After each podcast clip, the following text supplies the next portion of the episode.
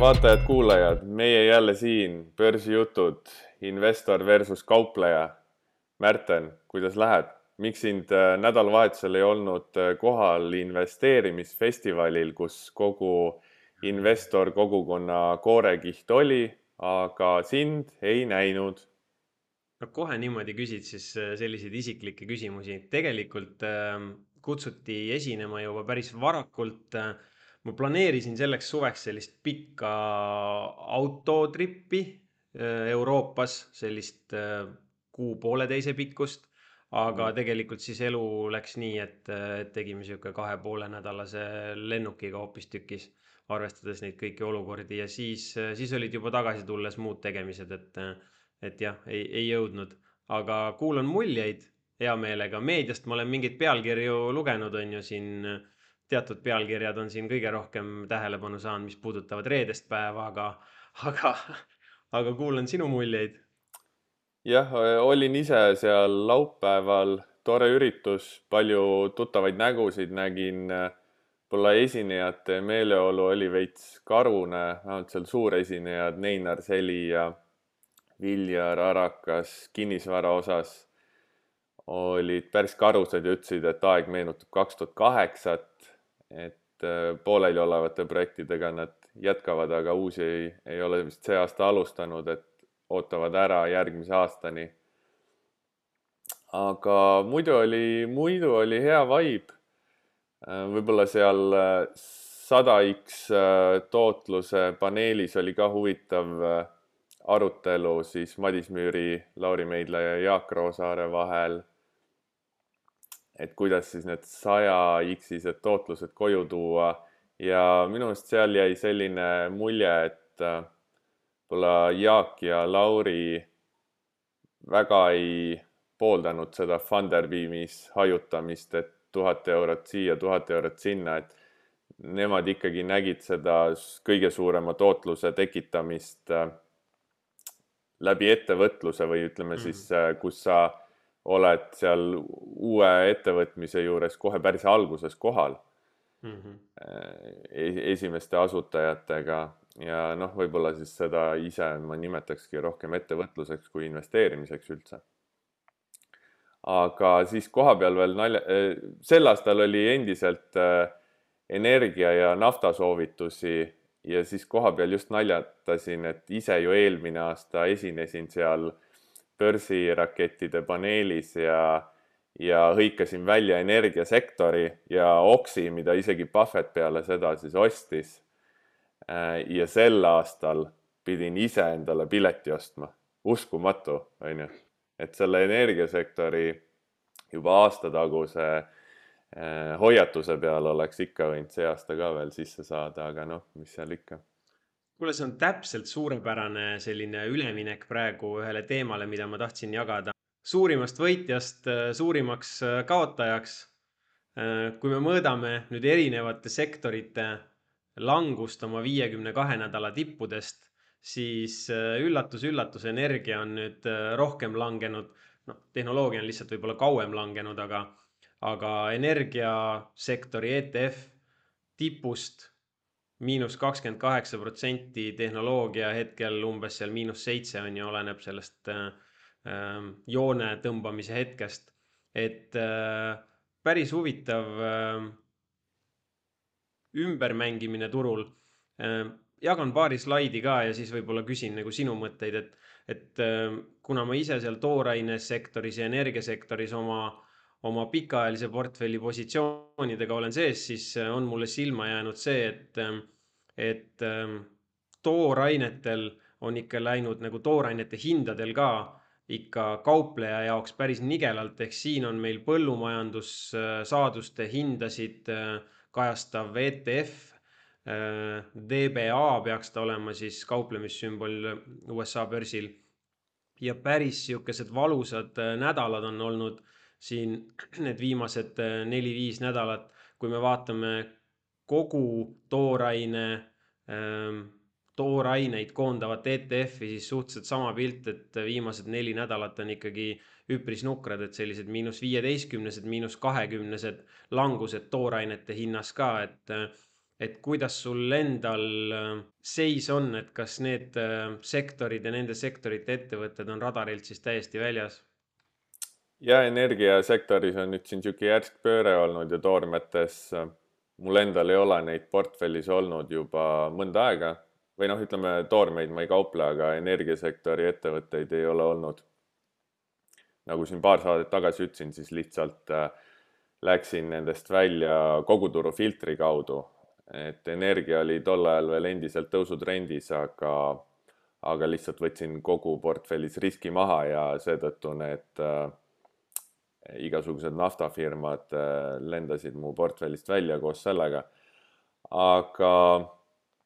jah, kui ma ise just nüüd vaatasin äh, oma graafikutel seda energiasektori ETF-i XLE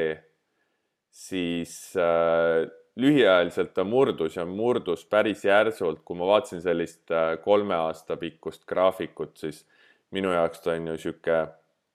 väga järsk pullback, ütleme pikaajaliselt ja väga, hetkel väga selline mm, oluline koht, et kas siit taastub või kukub edasi, et kui kukub edasi, siis läheb ka selliselt pikaajalise pildi peale langusesse mm. -hmm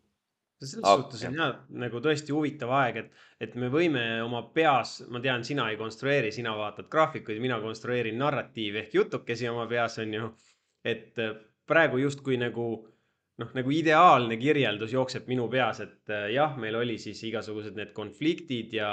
ja tarneahela probleemid ja kõik, mis veel, mis viisid selle hinna siis väga kiiresti ülesse. nüüd äh, see intressimäärade tõstmise hirm ja majanduslanguse hirm on suurepärane põhjendus selleks, et äh, veidi seda auru välja lasta sellelt väga-väga kiirelt hinnatõusult ikkagi. Ja, ja samas, kui natukene nagu sügavamale sinna kaevuda, siis mulle ikkagi tundub, et, ähm, et jätkuvalt on seis see, et nii, nii maavarade sektoris üldisemalt kui, kui energiasektoris on ikkagi alainvesteeritud periood olnud siin päris pikalt, et, äh, et noh pigem nagu pikaajaliselt tahaks olla, olla positiivne ja kui vaadata nüüd ka, kuidas see, kuidas see poliitiline kompass on järsku ähm, muutunud ja,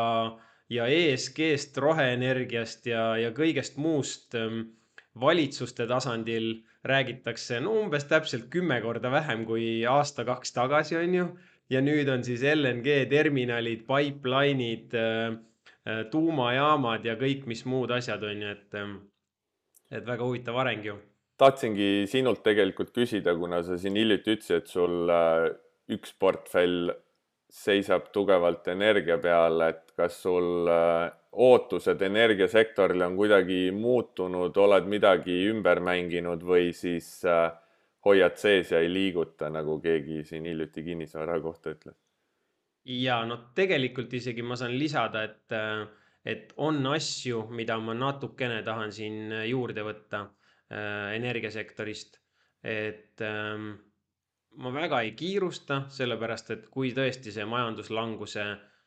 noh, ütleme, vahet ei ole, kumb realiseerub, kas see majanduslanguse saabumise hirm realiseerub siin väga tugevalt või siis kunagi hiljem see majanduslangus, et siis tõenäoliselt need nafta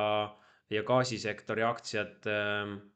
noh, on, on paremaid hetki neid osta kui täna, aga mina neid niimoodi dividende maksvaid asju sealt näpuotsaga praegu täitsa võtan juurde. et enda jaoks pidingi korraks siin nädal-kaks tagasi läbi mõtlema, et,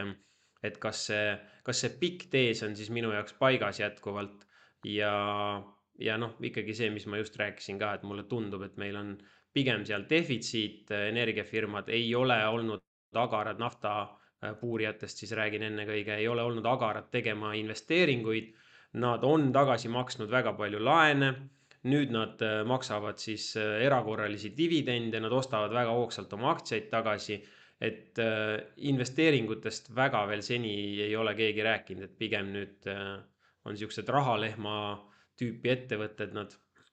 nii et ma saan aru, sa oled oma peas ikkagi selle energia supertsükli narratiivi läbi mänginud ja omaks võtnud. Jah, ja mitte tegelikult ainult energia, et isegi toorainete puhul tervikuna, et kuidagi mu vaade on see, et järgmised neli kuni seitse aastat äh, äh toorainet tervikuna ja võib-olla siis äh, võib-olla siis rohkem ikkagi see, see tööstuslike metallide pool on ju, et, et seal on see viitaeg võib-olla kõige pikem, et kui vanasti võttis mingi kaevanduse äh, töösse saamine, planeerimine, töösse saamine, avamine aega sihuke kaks, kaks pool, kolm aastat, siis arvestades seda, et vahepeal on äh, mm, noh, ma ei taha nüüd kuidagi halvasti öelda, et on ju, aga kogu see looduskaitse pool ja, ja keskkonnateadlikkuse pool on veel arenenud ja need pidurid on võib-olla tugevamad, siis, äh, siis see arendamisperiood nendel kaevandustel on võib-olla veel pikem. Ja, ja me teame väga hästi seda, et, et need elektriautod ja tuulikud ja tegelikult kõik need tahavad ühe toodetava ühiku energia kohta kolm, neli kuni viisteist korda rohkem äh, vaske ja muid selliseid tavalisi metalle, on ju, et, et noh, väga huvitav aeg, et, et tahetakse rohkem neid äh, tuulikuid ja paneele ja elektriautosid. ja, ja teisalt ei ole sealt, äh, sealt nagu seda pakkumist väga kusagilt võtta või, või seda tootmisvõimekust aga rohepöörde osas oled siis äh, bearish pigem või? no ma ei ole bearish, ma olen pigem olnud kogu aeg seda meelt, et nagu üksi välja ei vea, et on vaja selliseid koostootmisjaamu nii-öelda, et kui ei ole tuult, ei ole päikest, et siis peab olema see, see alternatiiv seal kõrval olemas ja, ja praegu äh, võib-olla siin nüüd viimased aastad see alternatiiv oli siis gaas ja, ja vot nüüd kõige rohkem seda trianglit selle gaasi ümber ju praegu toimubki, et sellepärast neid vedeldatud maagaasi ehk LNG terminale siin Võidu tahetaksegi ehitada ja ja värsked uudised, et väga palju neid ujuvaid terminale või, või kuidas iganes neid kutsuda, ehitatakse Lõuna-Koreas ja ja noh, neil on puudu nii keevitajatest, maalritest, arhitektidest kui lihtsalt ehitajatest ja toovad sealt Aasiast inimesi hoogsalt sisse äh, omale tööjõudu, et äh, et ähm, noh, sellised need arengud praegu on. kuule, sul on nii huvitavad narratiivid, ma tahaks äh, ühe mõtte siin õhku visata ja sinu kommentaare küsida. sest ega ka näiteks investeerimisfestivalil sihuke tore lahe üritus, aga ma tihti tunnen ennast äh, sihuke suure investor, investorite hulga vahel natuke võib-olla sellise outsider'ina, et äh, mõtlen vähem nendele lugudele ja usule mingit äh, mhm. aktsiat osta, sest äh, noh, ma võin uskuda ükskõik kui palju, aga, aga ma kardan, et see minu usk mu aktsiate hindu portfellis ei liiguta. ja, ja selline mõte siis, mida tahan sulle siin õhku visata, et äh, ideede genereerimisest ja sellisest aktsiavalikust olulisem on positsioonihaldus, riskihaldus, see, kui palju positsioonile kapitaliriskid, kus piirad oma kahjumi, kaua hoiad kasumlikku positsiooni. et ehk siis olenemata, kas ma räägin Apple'i aktsiast, Bitcoinist, naftafutuuridest või kulla hinnast. Et see idee seal taga on nagu vähem oluline kui see, kuidas ma seda positsiooni haldan, mis sa arvad ähm,? hullult tahaks nagu põnevuse huvides sulle kuidagi vastu väidelda või teha seda, on ju, mingiks võitluseks, aga, aga ma olen väga pikalt olnud tegelikult seda meelt, et ähm, fondijuhina või elukutselise investorina, kus sa haldad teiste raha, siis äh, on teine lugu, aga erainvestorina on investeerimisideede heade ideede nii-öelda saadavus või mis iganes, need head ideed on selgelt ülehinnatud, et äh, et tegelikult mängibki rolli just seesama, mis sa rääkisid, pluss selline üldine rahaasjade hügieen ja distsipliin on ju, et sa, sa tegutsed sihipäraselt ja ja sul on igasugused need äh,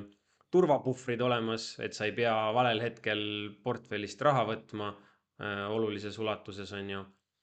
et täiesti nõus, et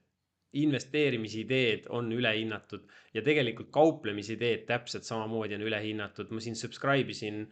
päris pikalt ühte mm, kauplemisideede tehnilise analüüsi research'i, mis maksis sihuke kaks pool, kolm tuhat dollarit aasta vist äkki. ja, ja neid ideid tuli iga päev, on ju, kümme, viisteist ja kakskümmend ja,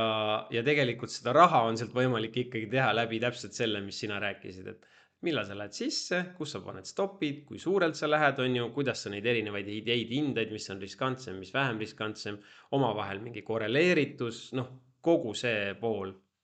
hmm..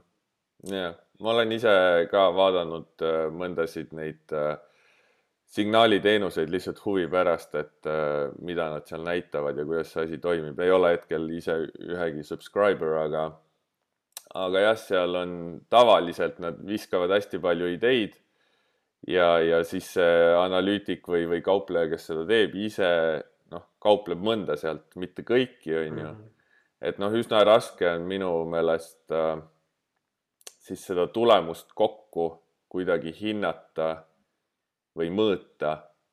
et noh, mind, ma alati nagu mõtlen selle peale, et okei okay,, et äh, keegi jagab mingeid signaale, aga mis see nagu kokkuvõttev tulemus sellel on ja sellest,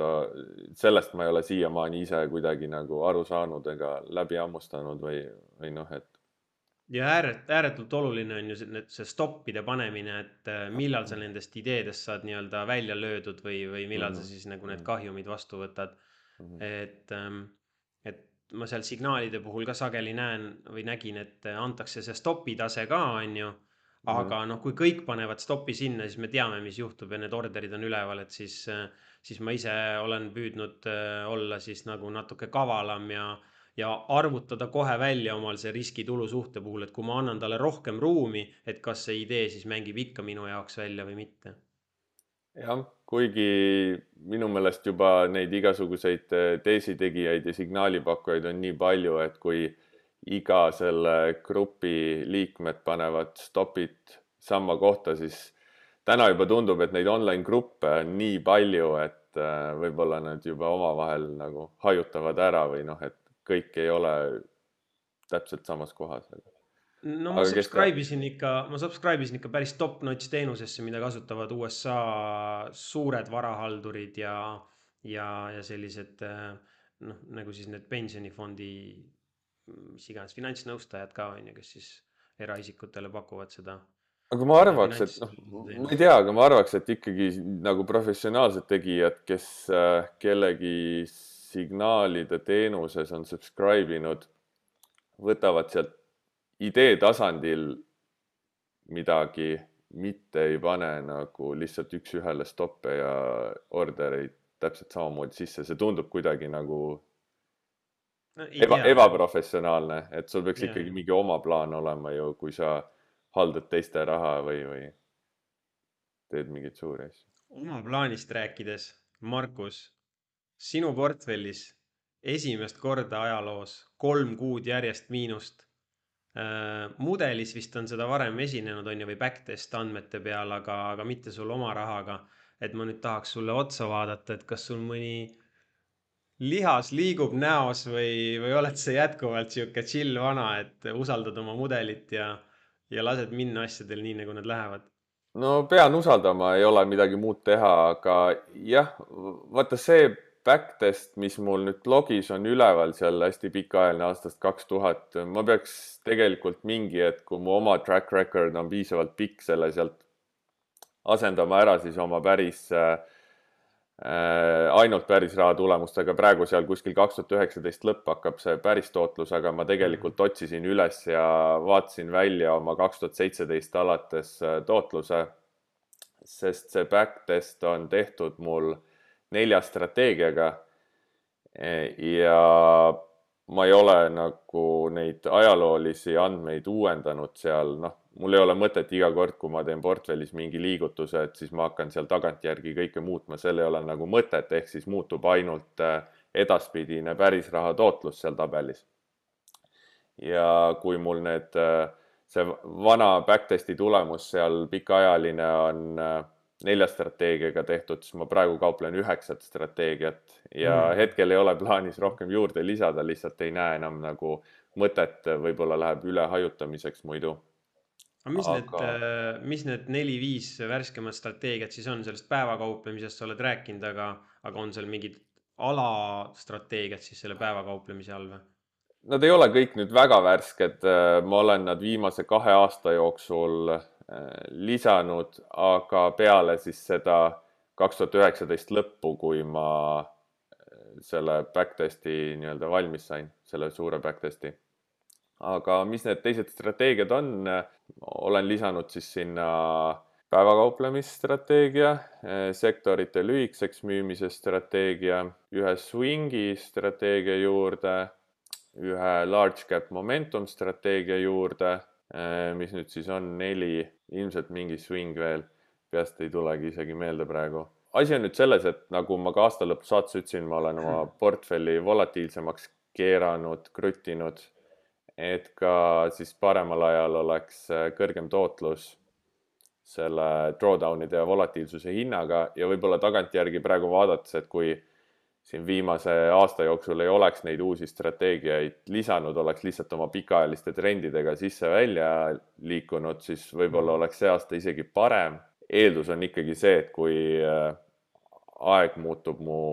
kauplemissüsteemi jaoks paremaks, siis äh, noh, ka see upside on nagu see tootlus on parem mm. -hmm. see on hästi huvitav, et mul nagu investorina täna on äh, sihuke tunne, et nagu kannatlikku meelt on vaja ja rahulikult ja sihipäraselt tegutseda. aga kui ma oleks kaupleja, siis oleks tõenäoliselt äh, kaks varianti, et kas ma oleks südari ääre peal või et nagu nii palju võimalusi on ja, ja nii palju nagu põnevust, et sa rääkisid siin oma sektori strateegiast ja tahakski kohe jagada siis paari asja, mis mulle investorina on silma jäänud ja teisalt võib-olla siis panna siin noh, börsijuttudes ka märk maha ja vaadata, et millal need asjad sinu radarile jõuavad, sest vahest mul on tunne, et et kuna see loogika on nii, et ma olen valmis nagu mingil moel seda nõrkust ostma ja varem sisse minema, et sinu indikaatorid näitavad siis äh, suts hiljem, et, äh, et viskaks korra peale pilgu sellisele asjale nagu tervishoiusektor uh. -huh. XLV on siis USA tervishoiusektori aktsiaid koondav ETF ja, ja noh, kes ei tahaks sellel aastal olla olnud mingisuguses sellises asjas, on ju, et, et oluliselt stabiilsem kuigi nagu mõnes mõttes, kui ma praegu siin hooga seda graafikut vaatan, siis, siis natukene nagu tundub, on ju, et me teeme siin neid madalamaid äh, põhjasid. aga teisalt äh, vaadates neid komponente siin sees, eriti sellist big pharmat on ju, mingi Johnson and Johnson, äh, Merck, Bristol Myers, mis iganes seal veel on, Eli Lilly on ju,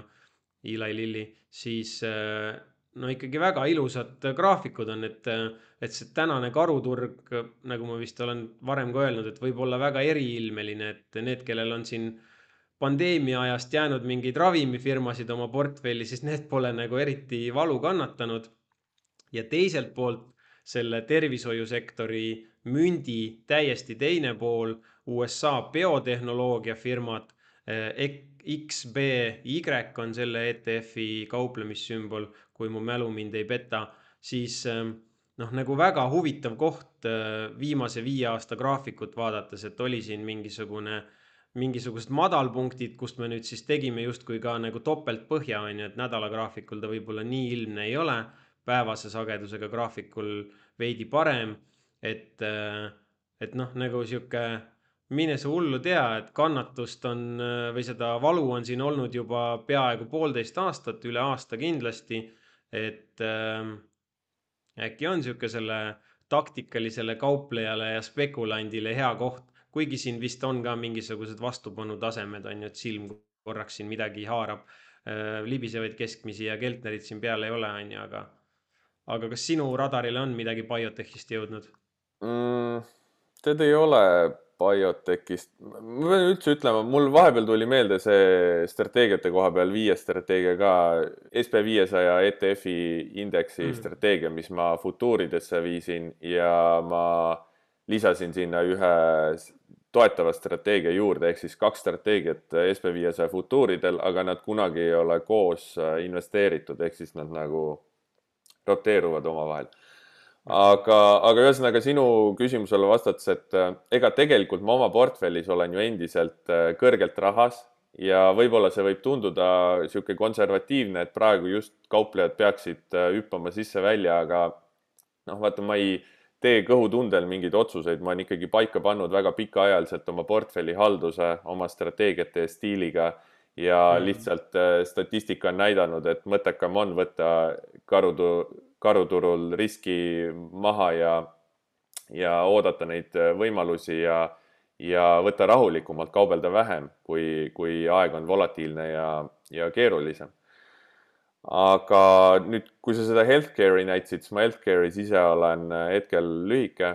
noh, väikse positsiooniga, see üle-eelmine punane küünal, mis su graafikul ka paistis, kus ta võimalikku kukkumist alustas, hetkel ta on põrganud tagasi, olen natuke vee all sellega, stopini on natuke aega, kui ta siit natuke veel ülespoole liigub, siis lähen stopiga väikse kahjumiga välja. aga BioTech ma vaatasin ikkagi on äh, selgelt langustrendis hetkel, ta on justkui kukkunud jah, mingitele vanadele toetustasemetele, aga mul jäi silma seal niisugune saja ümbrus ja võib-olla peale seda sada kakskümmend tundusid seal sellised vastupanutasemed. aga noh, kes teab, aga ütleme, eks ma ise ka ju, kuigi ma enamjaolt räägin trendist, et äh, olla tõusul investeeritud ja, ja langusel rahas või lühike, siis ma selle kõrval ikkagi kauplen ise ka swing'e ja ja ostan ise ka mingeid äh, kukkumisi, kus siis äh, eeldus on, et see on mingisugune põhi ja sealt tuleb põrge. Lihtsalt sellistes langustrendi swing ides ma ei jää pikalt sisse istuma, et kui ma seda BioTechi mm. Äh, kaupleks ja seal pikaks läheks, siis ma võib-olla võtakski saja juures kasumit kasvõi osaliselt ja mm. saja kahekümne juures maha selle asja, et ütleme, uus pikk trend, tõus ei teki kohe tavaliselt peale sellist kõva kukkumist, seal ikkagi käib niisugune üles-alla mängimine läbi nende toetus- ja vastupannutasemete ja nende vahel põrkab üles-alla. et äh, noh, vaata tihti mõeldakse võib-olla, et sa mingit järsku kukkumist äh, ostad, vaatad, oh, see viimane tipp oli nii kaugel kõrgel, et nüüd mul on nii pikk maa minna, aga sinna võib nii kaua aega minna, sellepärast et seal on neid nii palju neid tasemeid vaja läbi töötada, mis on oma emotsioone selja taha jätnud, et äh, see ei pruugi lihtsalt nii kergesti välja mängida mm. -hmm. jah, tõsi. aga vot mingi mõte oli veel, mis ma tahtsin ennem öelda, et äh, võib-olla endal ka hetkel äh, siin sa küsisid, kuidas see kauplemisega on ja ise tegelikult siin eile tegin äh, õues mere ääres trenni ja mõtlesin, et tegelikult, mis saaks olla veel parem amet kui börsispekulant, et lihtsalt iga päev on uus ja huvitav. Päeval teed, mis tahad, õhtul teed, mis tahad täna hommikul põhimõtteliselt ärkasin, tulin otse teki alt siia kaamera ette, pole veel jõudnud isegi hommikusööki teha ega kohvi juua. et mis saaks olla veel parem amet kui börsispekulant või mis sa arvad? ja no mõnes mõttes mina saan öelda, et minu karakter ja närv ei pea sellele vastu, olen proovinud õige mitu korda. Äh, õnneks nagu päris halliks ei läinud, on ju, et aga olin sinnapoole teel aga jah, nagu investori põli on üldiselt täitsa tore, et äh, ei, ei väida üldse vastu. ja noh, sa tegid nagu jälle nii hea sissejuhatuse ühele tsitaadile, mida ma täna jagada tahaks äh, kõigi vaatajatega ja mis äh, mis mulle endale tundub täna investorina, et on väga aktuaalne, aga tundub, et kauplejale samamoodi, et, et on aeg, et osta hoogsalt aktsiaid on aeg, et hoogsalt aktsiaid lühikeseks müüa ja siis on aeg, et minna lihtsalt kalale. ja saja aasta tagune börsispekulant on siis äh, autor. mis sa arvad sellest, kas praegu on õige aeg nautida suve ja, ja võtta rahulikumalt?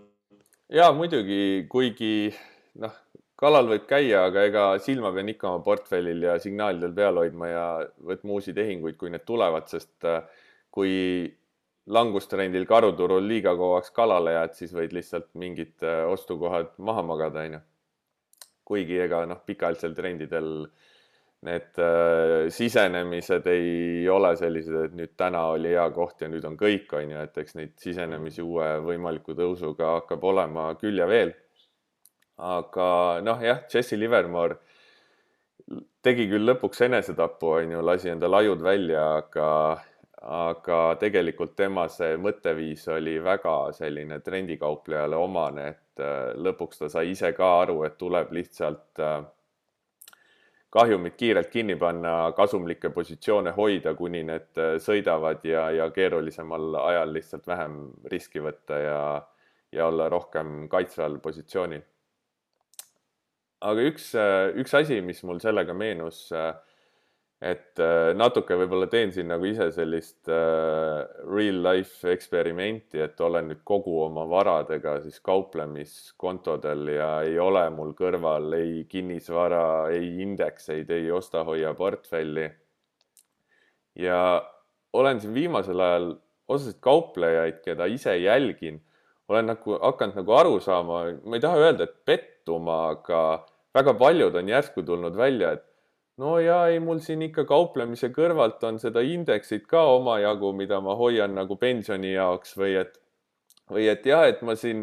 nagu kauplemissüsteem on väga hea, trendikauplemine, aga et noh, ma ikka võtan kasumit välja ja panen sinna osta-hoia aktsiate portfelli seda. et siis minu jaoks on nagu see, et noh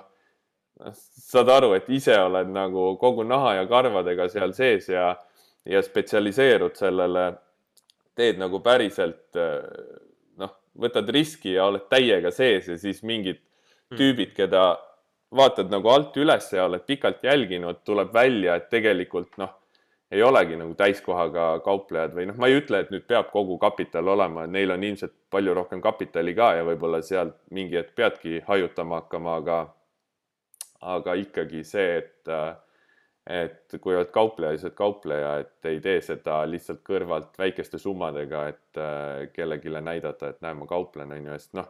vahel võibki minu tegevus tunduda üsna konservatiivne mõnele, et ma ei võta väga suurt riski või, või olen siin suurelt rahas, aga noh, vahe ongi selles, et äh, mul ei ole kauplemiskontol mingi väike osa portfellist, vaid kogu portfell on ju, et kui mul oleks mingi väike summa, siis äh, võib-olla jah, siin karuturul võtaks igatepidi riski ja ja, ja lihtsalt vaataks, mis saab ja kui konto õhku lendab, siis lendab, on ju, aga noh, ma ei ole yeah. seal, kus ma saaks seda lubada endale. aga milline peab olema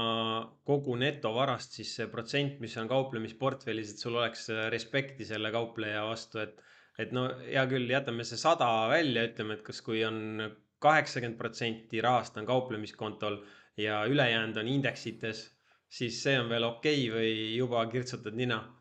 ei, muidugi on okei okay,, võib viiskümmend, viiskümmend ka olla, et äh, ega ei saa kellelegi ette öelda, et see oleneb ikkagi ka, kui volatiilne see portfell, see kauplemisportfell on ja kui palju riski on võetud, et kui on väga volatiilne, siis noh, sa ei saagi kogu raha seal hoida, on ju, et kui sul on pidevalt viiekümne protsendised drawdown'id, siis ongi mõistlikum näiteks äh, viiekümne protsendiga oma kapitalist seda teha, mitte kogu rahaga, on ju, et siis see on nagu justkui äh, noh, kergem. aga noh, indeksi hoidmine, ma ei tea, ma, mina ikkagi, isegi kui ma siis tahaks olla lihtsalt indeksis äh, sees, siis ma teeks seda ikkagi mingi väga pikaajalise trendistrateegiaga. et äh, mitte keskenduda sellele tootlusele, vaid lihtsalt sellele, et drawdown'e piirata mm. -hmm jah, tegelikult see protsent võib-olla varadest on ka sihuke naljakas äh, mõõdik, sellepärast et kui need varad on väga suured, siis, äh, siis äh, jah, noh, mul meenubki see viimane sutsakas, kui ma kauplesin, et siis ma endal alguses panin paika, et ma alustan kolmekümne tuhandega ja siis viiekümne tuhandega teen, et see on minu jaoks see piir, mitte mingi protsent, vaid lihtsalt selline kauplemiskonto suurus ja, ja kogu lugu, et see oli minu riskitaluvus ja, ja nii lihtsalt oli ja muidugi. Teine asi on ka see, et kui äh, keegi alles alustab kauplemisega, siis loomulikult ei tasu kohe kogu rahaga sisse joosta, siis tasub muidugi väikselt äh, alustada, seda oleme ju siin varasemates saadetes ka rääkinud. aga jah, eks äh, on aeg nagu on, et ma ise ei muretse, et tean, et peale kehvemat aega tuleb parem aeg ja vastupidi nagu investeerimisfestivalil õhtune esineja Chalice ütles, et temal on praegu krüptotalv ja tema ja tema huviga ootab, et milline see suvi hakkab olema. See oli päris lõbus ja et ajas päris äh, head juttu seal, et äh, ütles, et tulles investeerimisfestivali esinema, arvas, et investeerimisfestival, et investorid on sellised rikkad ülikonnas lipsud ees seal, aga et tegelikult kõik näevad välja vaesed hipid, nagu ta ise, nagu ta ütles seal. aga kuidas, ma, ma tean, et sul on ju oma kauplemissüsteem on äh, algoritmiline, aga sul mingi tunnetus ikkagi on, et et kas sul praegu on nagu mingit tunnetust, et kas me oleme pikal karuturul, pigem lühikesel. miks ma seda küsin, on see, et äh, mul lihtsalt nagu on mitte siiamaani, vaid juba siiamaani sellest, et et sügis tuleb kõige raskem ja sügisel käivad nagu mingid hullud paugud, et nagu kõik kardavad seda septembrit, oktoobrit liiga palju juba, nagu sa ütlesid, et festivalil ka räägiti et nagu sees hakkab juba sihuke see contrarian nagu häält tõstma, et, et no ei saa olla, kui kõik nii hullult kardavad, on ju. et ähm, noh. jah, muidugi on oma sisetunne ka ja mida rohkem kogemust tekib ja mida rohkem selle sees olen ja õpin, siis äh, seda rohkem hakkab tekkima ka see, et äkki peaks natuke midagi kõhutundel tegema, mis võib-olla on halb, on ju, süstemaatilisele kauplejale. aga on jah tundunud, et võib-olla see aasta oleks olnud isegi parem seni, kui oleks kõhutundel ja oma arvamusel teinud otsuseid. Aga noh, süstemaatiline kauplemine on see, et pikaajaliselt äh, peab oma reeglitest, plaanidest kinni pidama. umbes nagu passiivne indeks investeerimine on ju, sa võid arvata mm. mida iganes, et langus jätkub, aga kui sa oled paika pannud, et sa iga kuu kakskümmend protsenti palgast paned indeksisse, siis sa pead seda järgima, on ju, noh, sama põhimõte. et, et sa ei hakka kuidagi püüdma seal äh, üle mängida oma reegleid.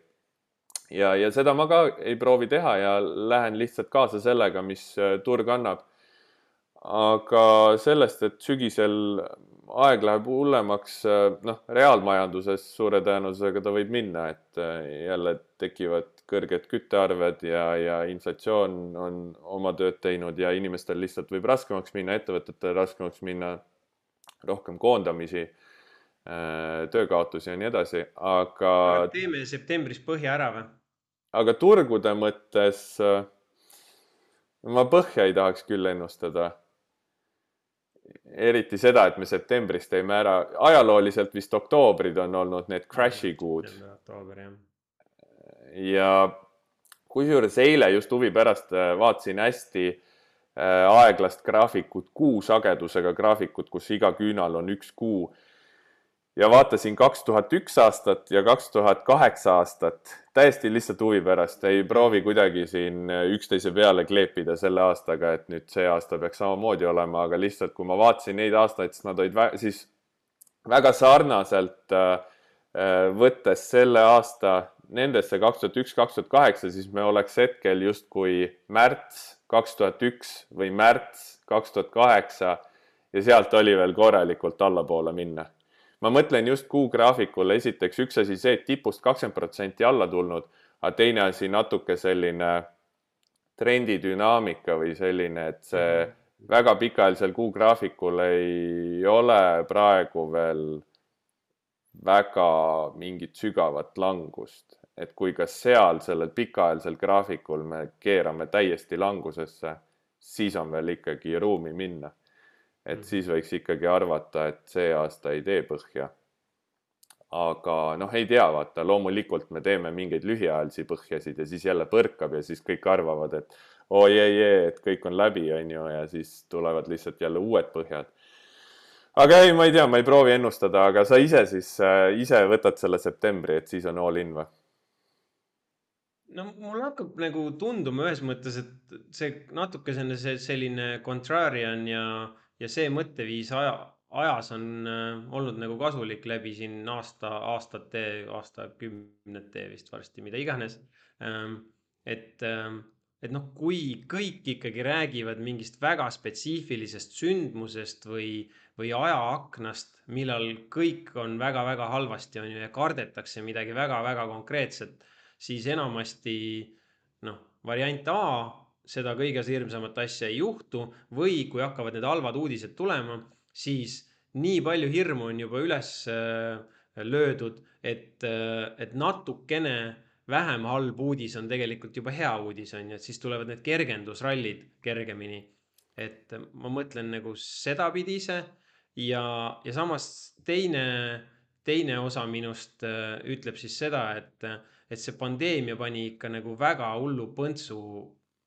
väga paljudele asjadele selles, selles majandussüsteemis, et noh, tõmmati see pendel ühte äärde, on ju. nüüd ta lendas siin sellel suvel siia teise äärde, et praegu ikkagi rahvas käib väljas, pidutseb, reisib meeletult, on ju. väga ei viitsita mõelda nende potentsiaalselt kõrgete elektriarvete peale aga, aga ega kui see pendel tagasi tuleb, siis ta ei jää siia keskele pidama ja nüüd on rahu majas, on ju, et siis ta jääbki kõikuma. ehk siis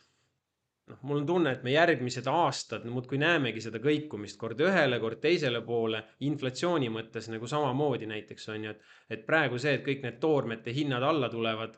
vesi äh, sellele veskile, et inflatsioonimäärad äh, kuust kuusse mõõdetuna hakkavad langema jälle keskpankadele, kes muidugi reageerivad äh, väga pika viitaja ja hilinemisega, aga juba esimesed signaalid, et võib-olla nii palju gaasi andma ei pea, kui turg selle läbi hammustab, nagu ta siin paar päeva tagasi tegi mingisuguse märkuse peale, on ju, et kasvuaktsiad, need kahjumlikud kasvuaktsiad tegid siin meeletut sõitu. et no mine sa tea, et äkki meil on siis tegelikult selline noh, midagi sellist siin järgmised kaks-kolm aastat ees ootamas, et et sihuke seitsmekümnendate stsenaarium mõnes mõttes. Ja võib vabalt olla ka see, kes teab, aga võib-olla sentimendi poolest üks äh, põhja indikaator oleks ikkagi see, et mingi grupp inimesi hakkab müüma oma aktsiaid selleks, et päästa viimane või noh, vaata, kuidas öelda, et, et, et see sihuke wash out bottom, et, äh, et ikkagi hetkeks läheb see hirm nii suureks, et äh, et kuule, võib-olla ikkagi peaks aktsiad ära müüma, et siin miinus kakskümmend protsenti oleme teinud, aga, aga äkki miinus kolmekümne peale ära müüa, et vältida seda miinus viitekümmend. no see on alati üks viis, kuidas põhi tehakse hirmu ja paanika peal, aga teine on minu arust meeleheide ja siis nagu, et ma ei taha enam mitte midagi kuulda investeerimisest, börsist või mitte mille, nagu mine ära, on ju, jäta. aga sinna me ei ole veel jõudnud. sinna me väga-väga kaugel oleme sellest et sellest oleme väga kaugel ja hirmu, sellist totaalset paanikat ei ole ka olnud, on ju. ehk siis äh, no nii, selge pilt, et äh, oktoober, oktoober. joone alla, räägime kolme kuu pärast uuesti. oktoobris crash, oktoobris crash, praegu kuuli pealt äh, hõõrun siin see saade on meelelahutusliku sisuga. me ei soovita osta ega müüa ühtegi finantsvara. iga inimene on vastutav oma finantsotsuste eest. iga finantsotsus võib viia kapitali kaotuseni